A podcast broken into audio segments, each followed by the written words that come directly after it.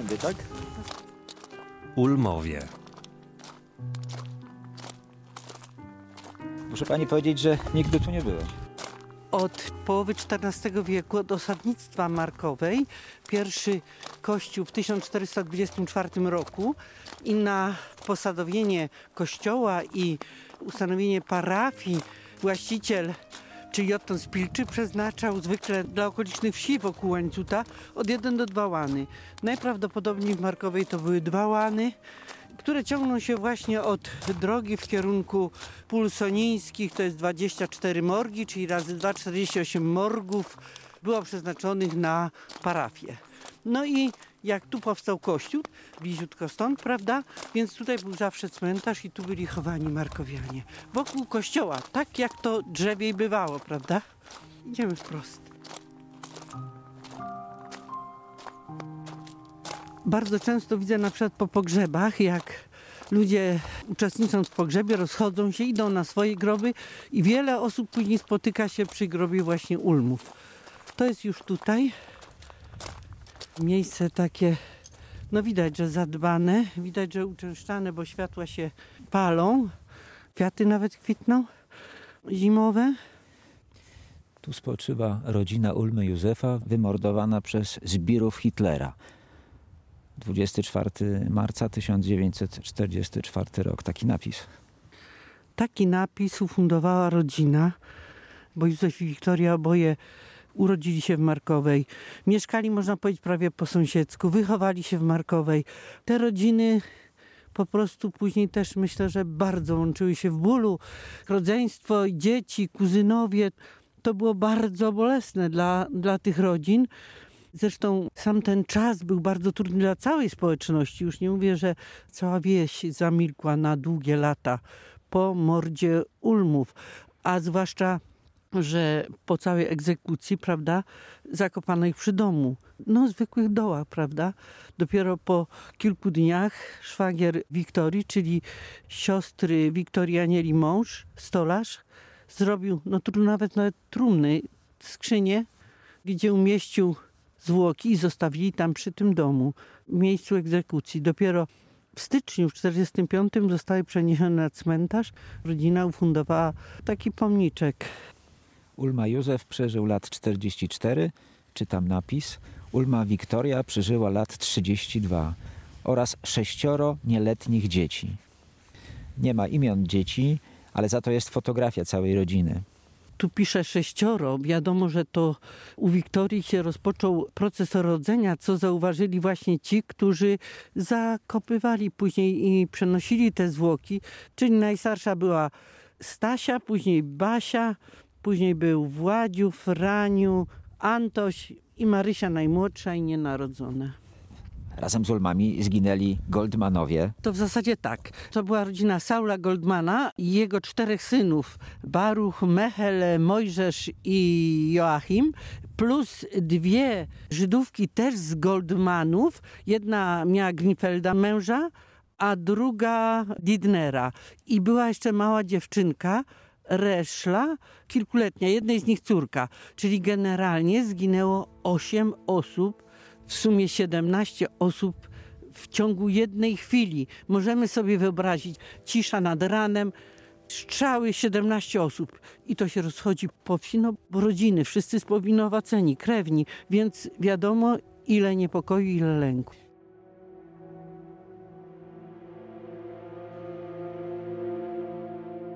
Pomocne są nam zeznania świadków podczas procesu przed Sądem Wojewódzkim w Rzeszowie z roku 1957 i 1959 i wiemy z nich, że ci żandarmi niemieccy w Ancucie zażyczyli sobie 23 marca kilka podwód. Podwody, czyli wozy, którym ci Niemcy mogli być transportowani. Żandarmeria niemiecka w Łańcucie nie dysponowała własnym samochodem. Musieli korzystać z różnych furmanek, które byli zobowiązani dostarczać e, chłopi. I tak się stało tym razem. I po północy zostali wezwani ci furmani. Na te furmanki wsiadło pięciu żandarmów i kilku policjantów granatowych i dowódca nakazał jazdę przez Soninę do Markowej. Dotarli pewnie około godziny czwartej, piątej nad ranem Niemcy kazali granatowym obstawić dom, żeby się nikt nie mógł wymknąć. Natomiast samej zbrodni dokonali ci żandarmi niemieccy. Dosyć byli dobrze poinformowani, bo wtargnęli do domu i wpierw zamordowali ukrywających się na strychu Żydów. Jeden Żyd był w izbie na dole, ten starszy, ponad 60-letni Saul Goldman. Natomiast czterech jego synów było na strychu, tam zostali zastrzeleni, tam też zostały zastrzelone dwie córki Haima Goldmana z Markowej, czyli Golda Greenfeld i Lea Dittner i córeczka jednej z nich o imieniu Reszla. I wiemy też z opowiadań świadków, chociażby Stanisławy Kuźniar, która tam była następnego dnia po zbrodni, opowiadała, że widać było jak te ściany były zlane krwią spływającą z powały, spływającą ze strychu. No a później, jak już wszyscy Żydzi nie żyli, bardzo szybko zamordowano Józefa i Wiktorię, która była w zaawansowanej ciąży. Natomiast później nastąpiła przerwa. Przerwa powodowana tym, że jednak zastanawiali się Niemcy, co zrobić z tymi dziećmi. Zarządził taką naradę krótką Eilert Dicken. W jej trakcie jednak zdecydował, że jej wszystkie też trzeba zamordować.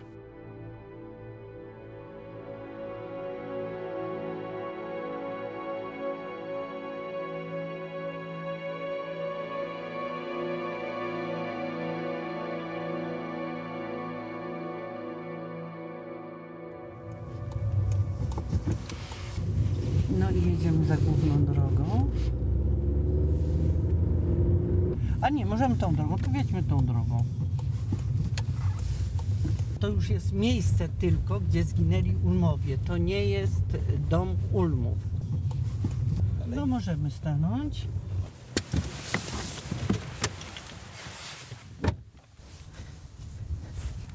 Znajdujemy się w miejscu, gdzie mieszkali Ulmowie.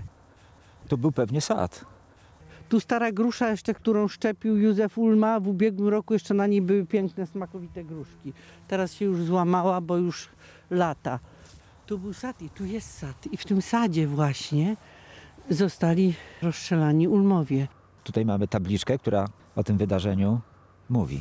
Tak, w tym miejscu 24 marca niemieccy żandarmi zamordowali rodzinę Ulmów, Szalów i Goldmanów. Z tymi szalami to jest tak, że to był Saul Goldman i wszyscy w Markowej mówili szal. Zresztą wiemy, że e, Żydzi mieli zwykle od imion, już ich tam e, tak określali na wsi, nazywali. Nawet dzieci w szkole miały nazwiska przybrane po imionach rodzica któregoś, na przykład ojca bądź matki. Dzień dobry. Dzień dobry, dzień dobry. Pani mieszka tu po sąsiedzku, tak? To znaczy ja mieszkam tu, na, tym, na tej działce, na której to się wszystko wydarzyło. Bo to jest rodzina. Tak. Mój dziadziu był bratem Józefa. Z domu nic nie zostało. Z domu, no dom, można sobie wyobrazić, kto by chciał mieszkać w takim domu, gdy krew się lała ze strychu na podłogi. To było okropne, więc brat Józefa Ulmy, który tu zamieszkał, ale po dłuższej przerwie, po prostu wybudował sobie nowy dom. Przejmujące miejsce. No niektórzy tak twierdzą. Dla mnie Ale babcia miała inne babcia zdanie. miała inne zdanie, bo ja po prostu tego nie przeżyłam, co oni. Babcia bardzo długo nie chciała, mówię, mieszkali długo u jej rodziców. Później mieli budować, ale na innej działce. I dopiero brat babci przekonywał, żeby jednak tu budowali, bo tu jest piękna działka. I wybudowali tutaj. Chwilę tu mieszkali w tamtym domu jeszcze. Mamy siostra żyje, więc ona czasami jeszcze coś wspomina i nie tak dawno nawet żeśmy rozmawiały. To dawniej się bieliło domy też w środku. Jak się wprowadzić tu mieli, ona nie mogła tej krwi, bo ta krew przecież przeciekła, bo to były tylko zwykłe deski, zamalować tym wapnem. Nie mogła tego zamalować w ogóle. Czyli co, ten dom został zburzony? Tak. Dom został zburzony. Jak dziadziu wybudował już ten swój dom, tamten zburzyli. Ja w tym domu mieszkam, który budował dziadziu.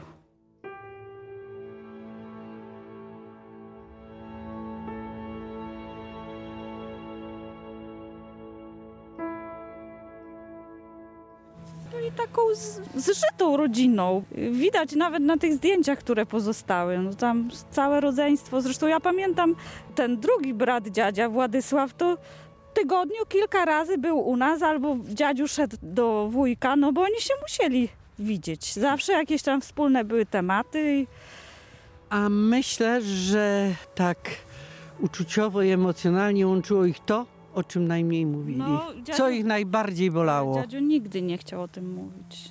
Tych wspomnień od dziadzia było bardzo mało, bo on po prostu chyba nie potrafił mówić o tym, bo za dużo go to kosztowało. Nigdy nie udało się pani porozmawiać na ten temat? Dziadziu bardzo często, jak się zaczęło o tym mówić, to po prostu miał łzy w oczach. Nigdy się nie ciągło tego, bo to było dla niego naprawdę bardzo trudne.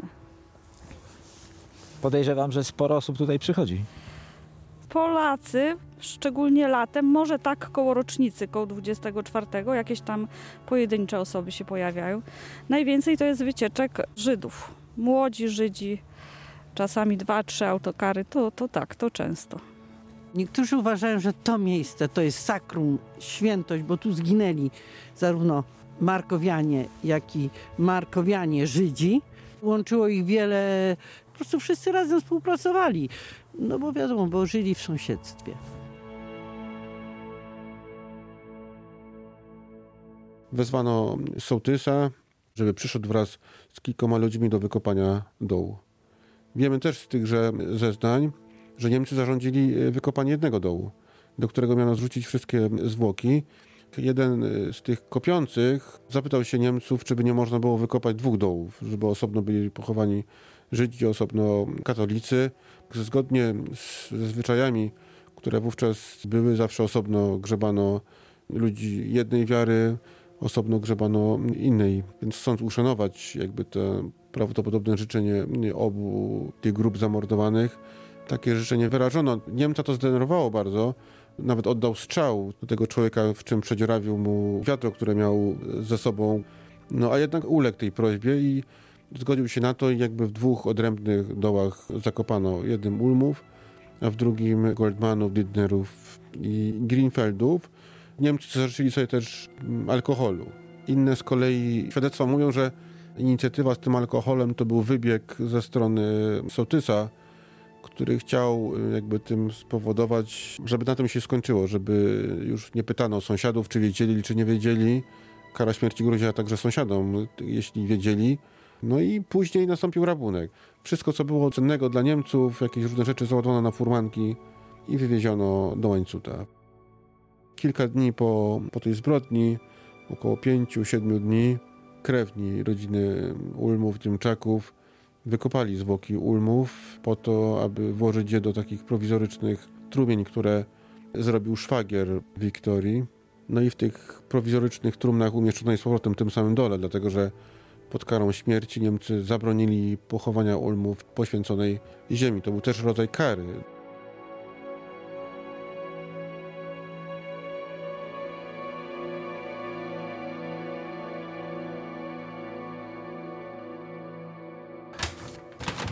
Ale to mnóstwo ciekawych ma pan No, to pamiątek. jest część tylko. To To są książki z biblioteczki, tak? wszystko to są wujka książki z podpisami. To wezmę wszystkie i już. Ja, pan, ja panu pomogę. To, co jest w muzeum, to jest w muzeum, a drugie muzeum to by mogli otwierać w domu. Tu jest, jest po prostu o czym mówić, że tak powiem. Fotografie są tutaj naprawdę bardzo ciekawe. Zacznijmy od fotografii domu. To jest akurat zdjęcie przedstawiające właśnie dom, w którym mieszkał Józef z Wiktorią wraz z dziećmi. To jest dom zbudowany przez Józefa, To tak? był, to był domek zbudowany przez Józefa i sadził drzewka, sadził różne krzewy. To zdjęcie zrobione chyba wiosną. Nie ma liści na drzewach jeszcze.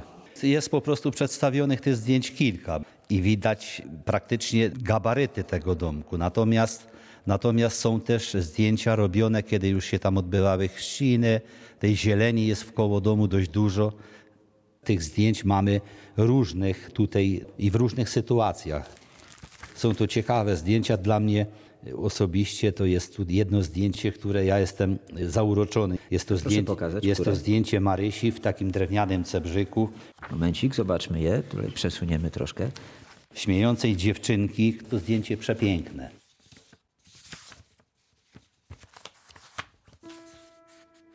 Skąd w ogóle wzięła się pasja, miłość do fotografii Józefa Ulmy? Fotografia to jest jedna z których, gdyby mi na przykład wyszło postawić, że tak powiem, która z tych jego pasji była pierwszą, no zastanawiałbym się, chociaż pewnie jeśli chodzi o fotografię, to bym, to bym tutaj ujął to jako jedną z tych czołowych aparaty fotograficzne, które cudem się przechowały do dzisiaj. No tutaj przed nami stoi. Tak jest, oczywiście. To są dwa oryginały, które przeleżały 10 lat w tej drewnianej szafie, do której ja mam sentyment niesamowity. To jest ta szafa tutaj? To jest ta szafa drewniana. W tej szafie się przechowało, nie tylko się przechowały aparaty, ale przechowało się masę prywatnej biblioteki, czyli kupował książki, czerpał wiedzę z tych książek, ale to nie na tym koniec, bo on jeszcze te książki wypożyczał.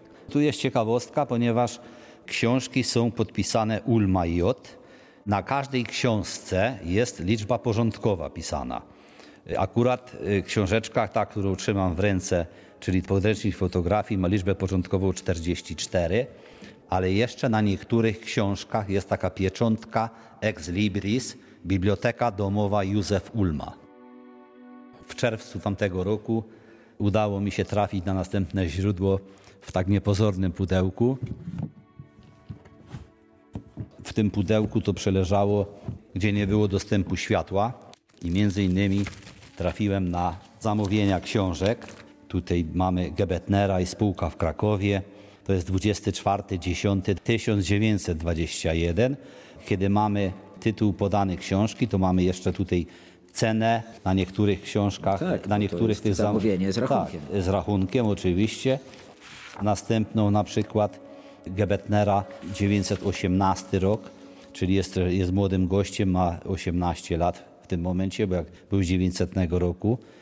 Jest jeszcze jedna ciekawa rzecz, ponieważ No właśnie, a co to, to jest? jest, to jest zamówienie dziadka Marcin Ulma. To jest je, dla mnie to było zaskoczeniem też, bo dziadek widać, że lubiał czytać książki, ponieważ mamy zdjęcie, kiedy siedzi na, na klocku. A, jest takim- to zdjęcie tak, tutaj, rzeczywiście. To jest to zdjęcie. To jest dziadek, tak? Dziadek Marcin siedzi, czyta książkę. Te geny gdzieś tam chyba poszły w dzieci, bo powiem tylko tyle, że owszem, wujek masę, masę tych książek miał, ale ojciec to kontynuował. Jeszcze później, kiedy, kiedy ja byłem małym chłopakiem, to tato zamawiał masę książek, wujek Antoni też. I tu jest właśnie to zamówienie dedykowane nie na Józefa, tylko tutaj na dziadka. Jest to takie coś jedno. Jak duża była ta biblioteka? Gdybyśmy policzyli książki, które mamy, mówię, w muzeum, no i gdybym dodał jeszcze plus to, co w prywatnych rękach się znajduje, więc mogę śmiało powiedzieć, że 300 ich było na 100%. To zobaczmy, co w tej bibliotece było. To są akurat poezje Juliusza Słowackiego. Trafiłem tutaj na, na książkę, która jest no, niesamowitą książką, bo to są książki filozoficzne, potęga energii. W większości to mamy tak, techniczne książki, sadownicze, książki rolnicze, hodowla, jeszcze tutaj dochodzi pszczół. No, to jest akurat książeczka, zarys hodowli jedwabników, czyli, czyli trafiłem w następną pasję jego. Pamiętam, kiedy ojciec mi zawsze wspominał, że brat hodował jedwabniki i tutaj między innymi był Lubomirski z wycieczką oglądać te jedwabniki. No i mamy tutaj potwierdzenie tego, ponieważ tu mamy dyplom za wzorową hodowlę jedwabników od księcia Lubomirskiego, tutaj z Przeworska w 1933 roku. Mogę tylko napomknąć tutaj taką rzecz, że żeni się w 35, czyli można powiedzieć, że no chyba tak się wszyscy tam widzę, że Ulmowie się tak żenili dość chyba późno, tak mi to wychodzi z tych dat.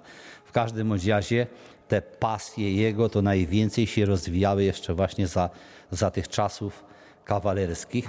Wiadomo, że później, kiedy się ożenił, przychodzi szóstka dzieci plus siódme w drodze. Na te pasje chyba już tego czasu może nie było wiele, ale na pewno jeśli chodzi o zdjęcia, to na pewno kontynuował to jak najbardziej, bo, bo mamy tutaj przedstawioną nie tylko rodzinę swoją, w ogóle ludzi pracujących tutaj na polu.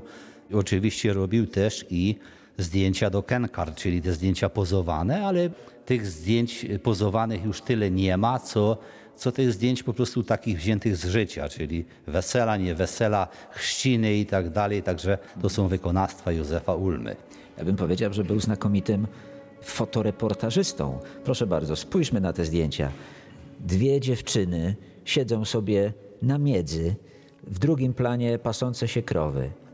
Tutaj z kolei jakaś czwórka dzieci, ale odświętnie ubrana, więc podejrzewam, że to niedziela albo jakiś inny świąteczny dzień. To jest to akurat najstarsza córka Stasia, która miała 8 lat i z nią jest tutaj Hanna Boncal, już też nieżyjąca. Tych zdjęć mamy różnych tutaj. Jest takie piękne też zdjęcie. Jedno z dzieci puszcza bańki mydlane. Tak, jest takie zdjęcie. Każdy ma tam coś, że tak powiem, w wyborze tych zdjęć. Każdy by może sobie wybrał co innego, ale mówię, że są to przepiękne, przepiękne zdjęcia, które przede wszystkim no, ważne jest to, że przetrwały.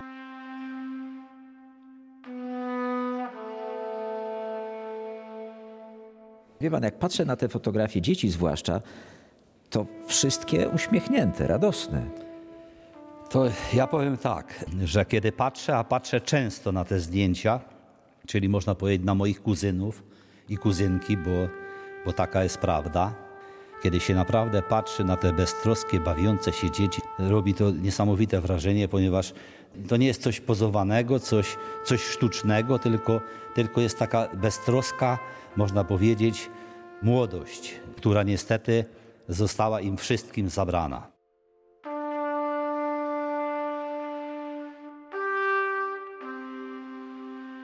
Taka szczególna fotografia zrobiona przez Józefa Olmę to czterech mężczyzn przed domem.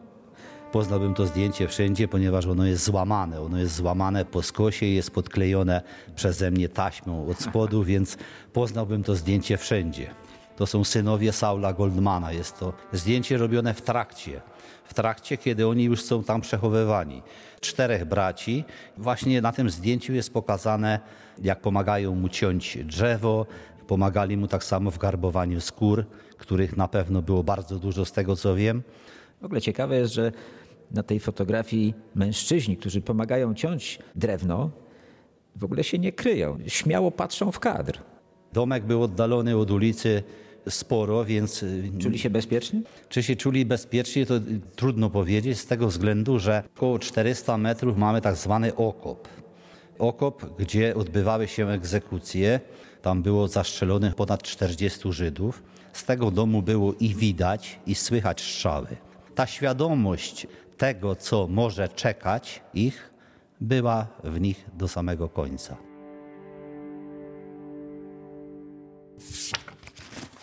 Tu jeszcze jest bardzo ciekawa Znaczy, rzecz, to jest, notes, to, tak? to jest notesik, to między innymi w tym notesie jest Tak, tutaj jest data, 11 dzień 11, stycznia. 11 styczeń 45, czyli jest wpisana dokładna data wywiezienia ich na cmentarz, ponieważ zamordowani zostali 24 marca 44 roku. Natomiast wywiezieni na cmentarz zostali 11 stycznia 45 roku. Przewieźliśmy wyżej wymienionych zamordowanych na cmentarz cztery trumny z pomocą szwagra, Głąbia i Fereta Jana. Zawiózł ich Niemczak Józef saniami jego i naszym koniem. I tutaj jest w tym notesie, mówię, to jest coś niesamowitego, bo, bo ojciec tutaj właśnie wpisał, bo tak to by my nie wiedzieli. Mamy to różnicę, mówię, że 24 marzec tragedia 44, a wywiezieni zostali dopiero 11 styczeń 45 na cmentarz. Natomiast Żydzi zostali ekshumowani w 47 roku na cmentarz Niechciałki, to jest, to jest akurat Jagiełła Niechciałki.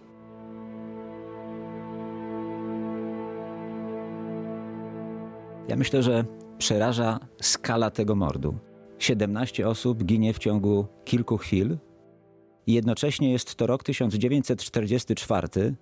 Także Niemcy mają świadomość, że wojna się kończy. Dlaczego to wszystko tak się potoczyło?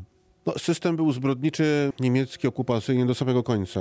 Mamy dokumentację dotyczącą zbrodni popełnioną e, przez Niemców jeszcze w styczniu 1945, a tu na tych terenach, na których się znajdujemy, jeszcze w lipcu 1944, kiedy ostatni miesiąc niemieckiej okupacji.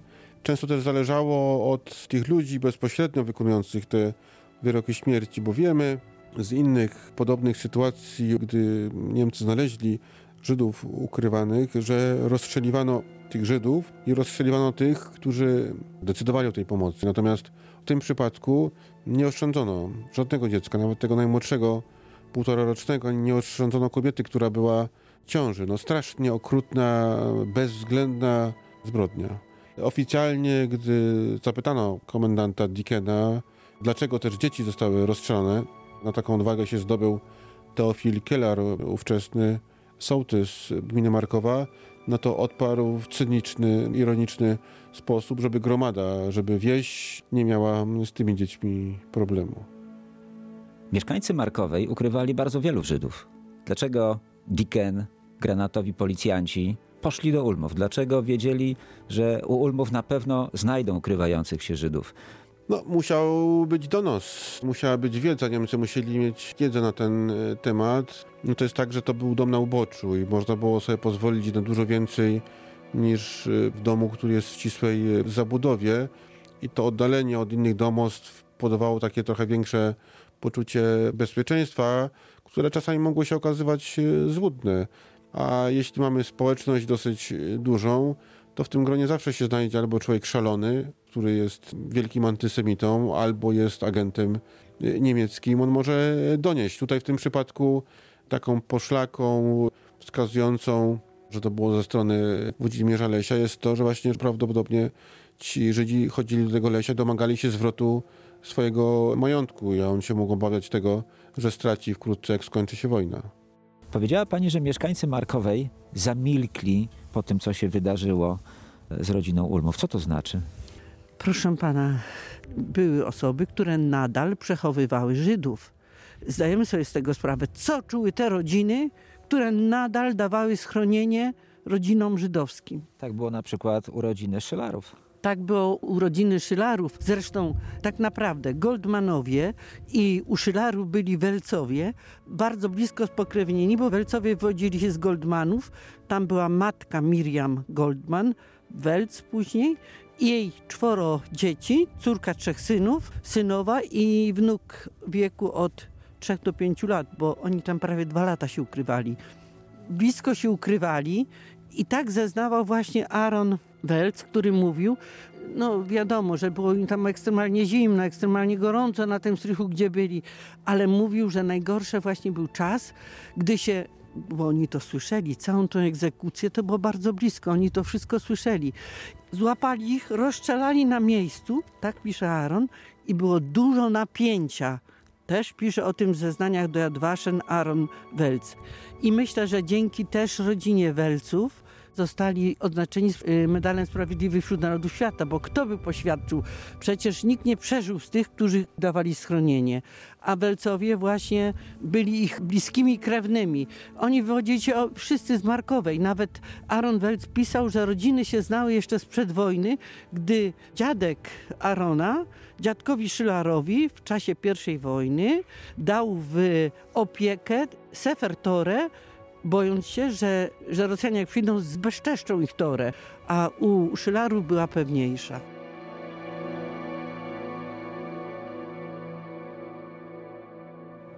Muzeum Polaków ratujących Żydów imienia rodziny Ulmów. Wydaje się, że patroni nie mogli być inni.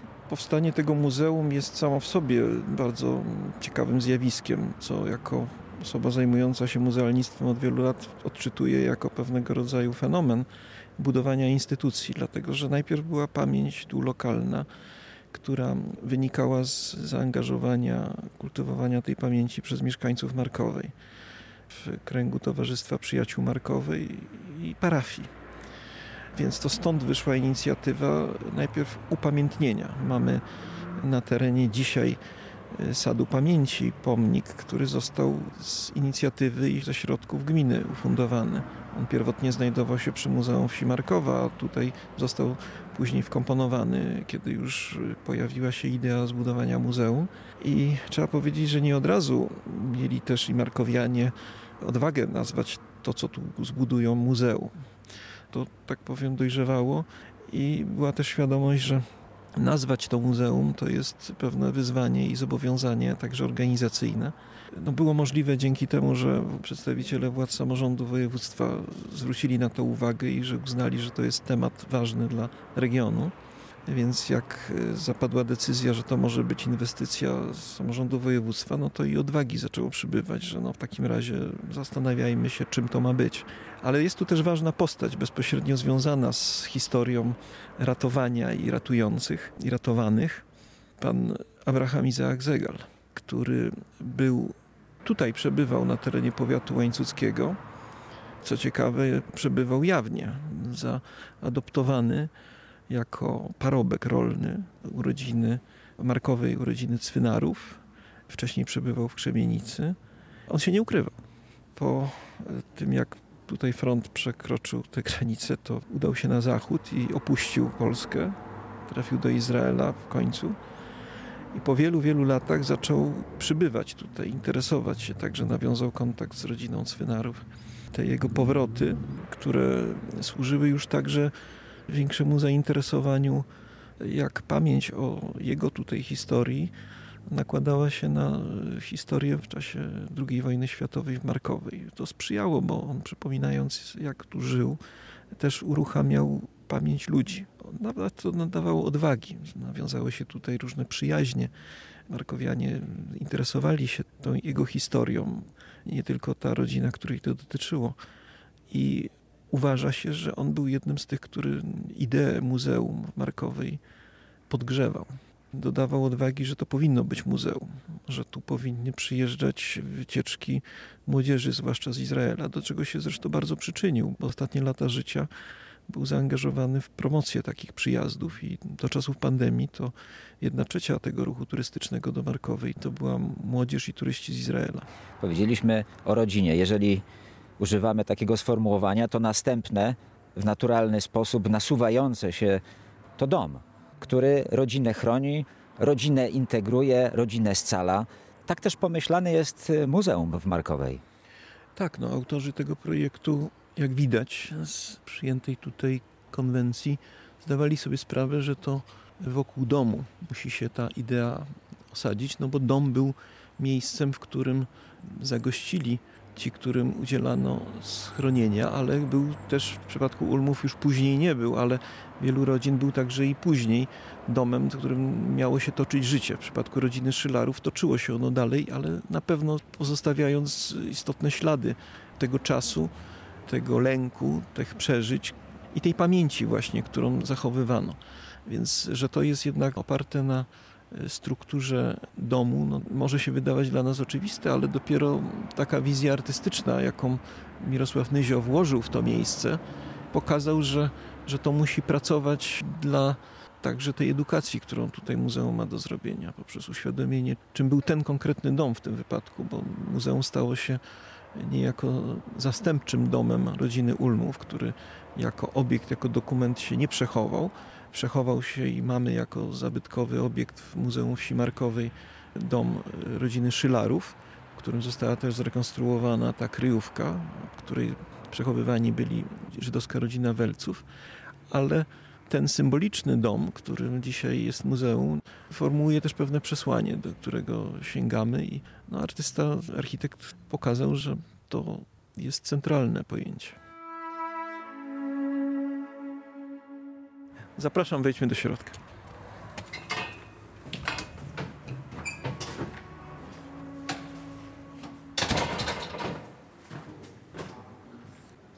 Myślę, że najważniejszym elementem w muzeum jest ten oto biały budynek, który w pierwszej chwili pewnie nie kojarzy się z domem rodziny Ulmów, ale to jest odtworzenie tej posesji niemal jeden do jednego. Tak, no jest to artystyczna wizja, jak ten dom może trafić do świadomości współczesnych zwiedzających. No, trafia poprzez zachowane fotografie, które są tutaj wprowadzone w scenografię. Scenografię, która no, z jednej strony podkreśla światłem, które na tle z kolei ciemnej, może wydawało się ponurej scenografii, która nas otacza, tej wystawy zasadniczej prezentującej historię ratowania Żydów na terenie Podkarpacia, to jest tu pewien kontrast, ale kontrast, który tym bardziej wzmacnia przesłanie historii tej jednej rodziny, która jest historią z punktu widzenia ich losu tragiczną, ale już ten scenograficzny zabieg no, daje do myślenia, że ona bije tym światłem i wchodzi się w przestrzeń nadziei. No, myślę, że dzisiaj, tak jak ta pamięć o rodzinie Ulmów została zinterpretowana przez Kościół katolicki, który nadaje temu czynowi znaczenie aktu świętości, też i znaczenie tej nadziei jest ważne, ale myślę, że takie przesłanie jest ważne dla wszystkich i dla tych, którzy będą patrzeć na historię rodziny Ulmów z perspektywy religijnej, jak czynią to ludzie Kościoła, i wszystkich, którzy przybywają tutaj, bo to już tak działa, więc myślę, że autor tej scenografii dokładnie wiedział, dlaczego w taki sposób chce to przekazać, a że użył no, szczególnych dokumentów i relikwii, jakimi są zdjęcia wykonane przez samego Józefa Ulmę. Włączył zatem to, co należy do jego pasji, do jego tożsamości jako artysty wiejskiego. To jest taka już kategoria, którą etnografowie podkreślają, szukają wręcz takich ludzi. On tu był. Tu był i, i jak się po latach okazało, był jednym z ważniejszych dokumentalistów życia i historii tej miejscowości markowej. Proszę popatrzeć w tym miejscu. Akurat jest wpisana w tę scenografię scena, kiedy członkowie rodziny Goldmanów, trzech mężczyzn, pomaga Józefowi garbować skóry. To jest fotografia Józefa To Ulmy. jest fotografia Józefa Ulmy i pokazuje, że oni jednak znajdują się na zewnątrz tego domu. To może świadczyć, że oni się czuli tam bardzo bezpiecznie, jedni i drudzy. Ta fotografia, tak jak kiedyś ją się posługiwano, po pierwsze pokazuje pewną uważność, która była najpierw we wzroku, w spojrzeniu tego, który decydował się coś uwiecznić, udokumentować. No przecież nie był Józef Ulma człowiekiem, który robił to z pełną świadomością, że to stanie się dokumentem historycznym. Ale jak się na to patrzy, to ma się wrażenie, że tak jakby miał tę świadomość. I myślę, że to jest dla każdego uważnego dzisiaj gościa tego muzeum okazją do takiej refleksji, tym mocniejszej, że udokumentował historię rodziny, która przeszła do historii, z czego przecież sobie nie zdawał sprawy.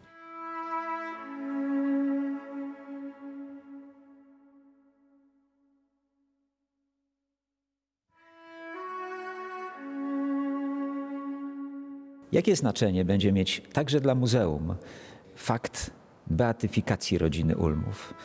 No, z jednej strony cały czas opowiadamy historię rodziny Ulmów, więc tu się nic nie zmienia. Prawdziwość faktów, do których się odwołujemy, artefaktów, z których korzystamy, ale oczywiście nie można nie zwrócić uwagi, że wspólnota Kościoła katolickiego, nadając znaczenie tej samej historii, na którą inni mogą patrzeć inaczej, nazywa ich świętymi. Wprowadza zatem do porządku życia religijnego. My o tym, jak mamy też obowiązek, po pierwsze, powiedzieć, nawet nauczyć się opowiadać, co to znaczy, żeby umieć wyjaśnić tym, którzy o to zapytają, jakie to ma znaczenie. Więc ten wymiar edukacyjny muzeum w tym zakresie musi nadążać na tą zmianą, która następuje. Te pytania etyczne są tutaj bardzo ciekawe i one wraz z beatyfikacją jeszcze mocniej mobilizują ludzi do zastanowienia, jakie ryzyko podejmowali, na czym polega ten dramat, nie tylko w kategorii pewnych zdarzeń, które dokonują się w sensie fizycznym, ale właśnie w sensie konfliktu pewnych wartości i prawdziwego opisu tego świata. Świata, który był oparty na pewnych powinnościach i one wtedy jeszcze były możliwe do wykonania, chociaż patrząc na to, co dzieje się, co przeżywamy od roku, od kiedy jest wojna na Ukrainie i widać, że ludzie do tych powinności się potrafią przyznać. Tak jak Markowianie kilkadziesiąt lat temu, tak i dzisiaj Polacy dali wyraz tego, że trzeba pomagać ludziom, którzy cierpią, potrzebują tej pomocy.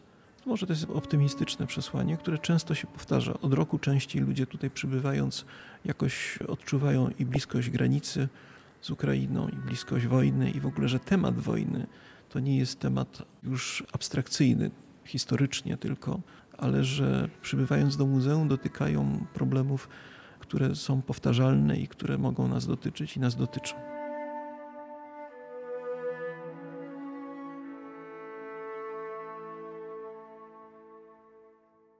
Niebawem odbędzie się beatyfikacja rodziny Ulmów. Myślę, że to ważne dla Państwa wydarzenie tutaj w Markowej. Będziemy mieć swoich orędowników, zwłaszcza dzieci. Ja każdemu mówię, kto ma jakiś problem, módlcie się do dzieci Ulmów. Więc mamy swoich orędowników i się cieszymy bardzo. Myślę, że bardzo też taka ważna sprawa podniesienie aspektu sprawiedliwych wśród narodów świata, bo w Markowej mamy tych sprawiedliwych wielu. I 24 marca składamy kwiaty nie tylko Ulmów, ale składamy kwiaty na wszystkich mogiłach i dziękujemy wszystkim tym, których stać było na taką odwagę, żeby dać schronienie mimo narażenia własnego życia i rodziny.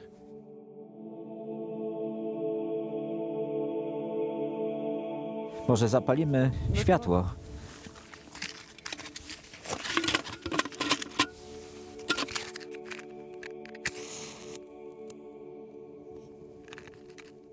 O, proszę bardzo, tutaj są na mogile są kamienie tak układane, tak położone jak na żydowskich macewach.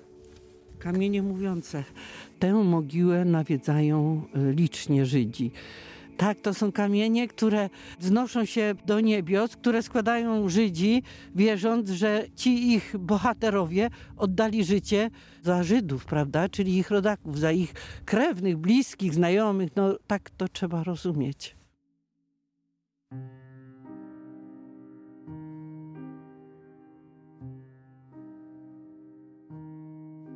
Był to reportaż Adama Głaczyńskiego zatytułowany Ulmowie. W audycji wzięli udział Maria Ryznar-Fołta, prezes Towarzystwa Przyjaciół Markowej, Agata Frendo, wnuczka Antoniego Ulmy, brata Józefa, Jerzy Ulma, syn Władysława Ulmy, najmłodszego brata Józefa. Waldemar Rataj, dyrektor Muzeum Polaków Ratujących Żydów w czasie II wojny światowej imienia rodziny Ulmów w Markowej. Historyk dr Mateusz Szpytma, wiceprezes Instytutu Pamięci Narodowej. Opracowanie muzyczne Magdalena Chałucha. Realizacja akustyczna Maciej Rosuł.